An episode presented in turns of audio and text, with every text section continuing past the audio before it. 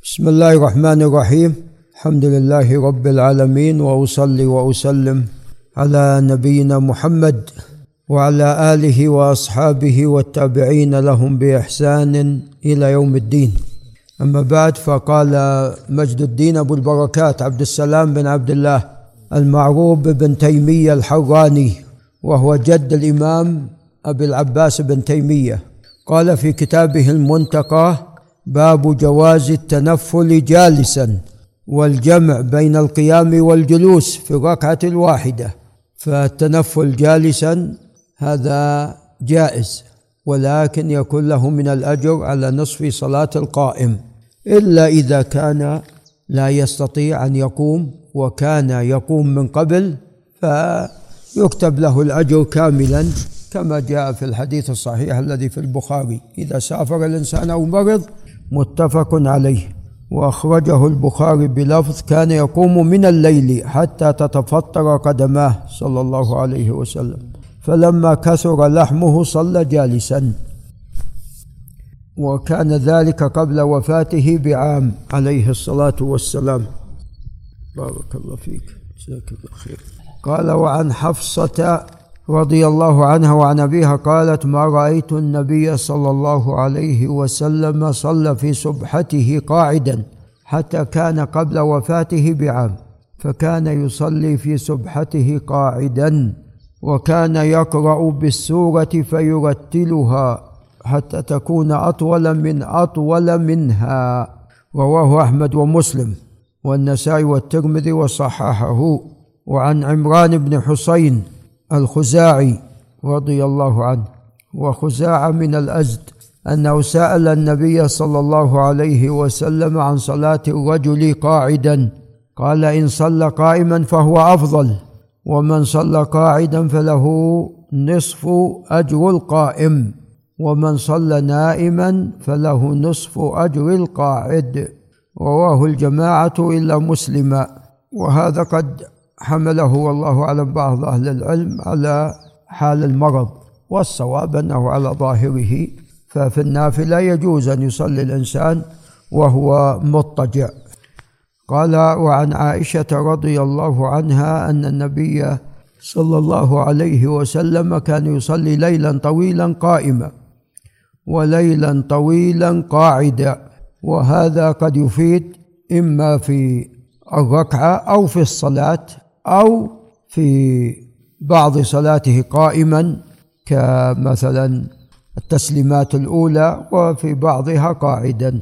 قال قالت كان يصلي ليلا طويلا قائما وليلا طويلا قاعدا وكان إذا قرأ وهو قائم ركع وسجد وهو قائم وإذا قرأ قاعدا ركع وسجد وهو قاعد وأحيانا إذا بقي شيء يسير قام عليه الصلاة والسلام.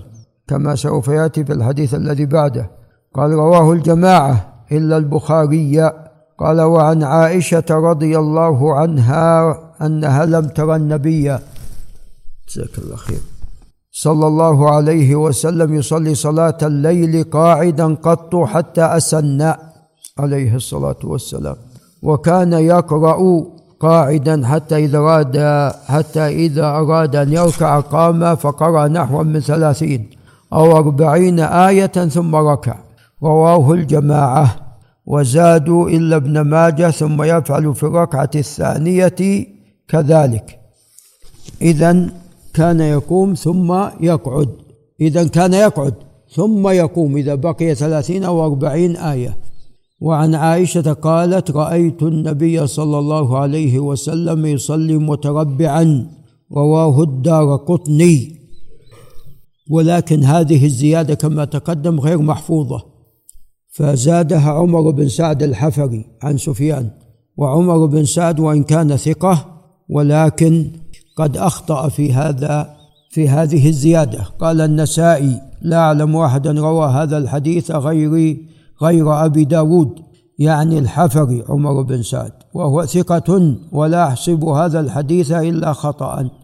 وقد وافقه على ذلك ابن نصر في قيام الليل وأطال الكلام حول هذه الزيادة وتكلم بكلام عجيب نفيس في مسألة التعليل.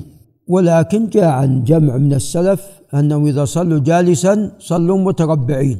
يعني في حال ما كان في حال القيام لو صلى قائما يصلون متربعين. ثم يومون بالركوع ثم الرفع كل هذا تربعا ثم إذا جاءوا في السجود غيروا الجلسة الجلسة. قال باب النهي عن التطوع بعد الإقامة. إيه هذا في الدعاء مو؟ لا مو في صلاة.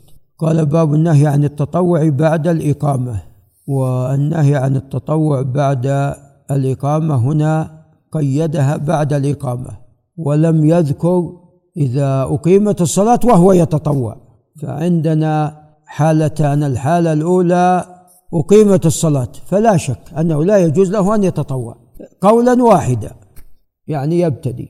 والصورة الأخرى إذا أقيمت الصلاة وهو يصلي. إذا أقيمت الصلاة وهو يصلي. ففي هذه الحالة فيها تفصيل. إن كان في نهاية الصلاة يتمها بسرعة ثم يدخل معهم. وإن كان في أول صلاته فهنا يقطعها. يقطعها طبعا بدون تسليم. بعض الناس يسلم. السلام إنما يكون عن الصلاة التامة. هذه صلاة ليست تامة قد قطعها. نعم. وهذا طبعا لم يأتي به نص ولكن يعني تفقها. قال عن أبي هريرة أن النبي صلى الله عليه وسلم قال إذا أقيمت الصلاة فلا صلاة إلا المكتوبة رواه الجماعة إلا البخاري.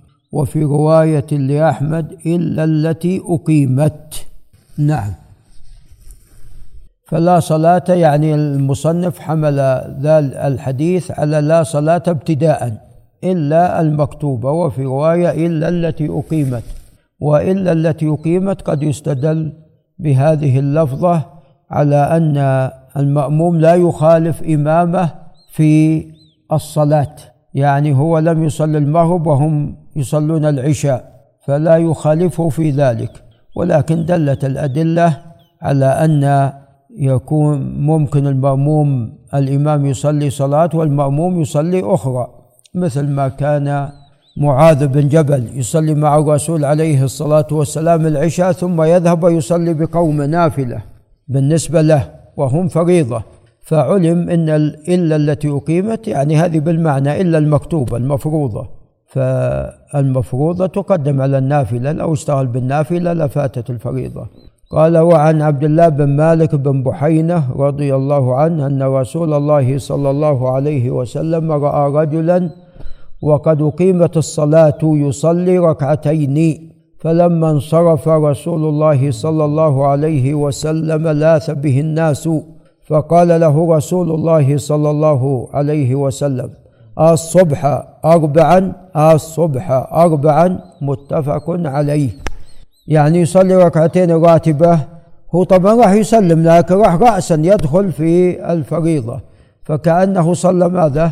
أربع ركعات. كأنه صلى أربع ركعات. ولعل نقف عند هنا. هذا وبالله تعالى التوفيق.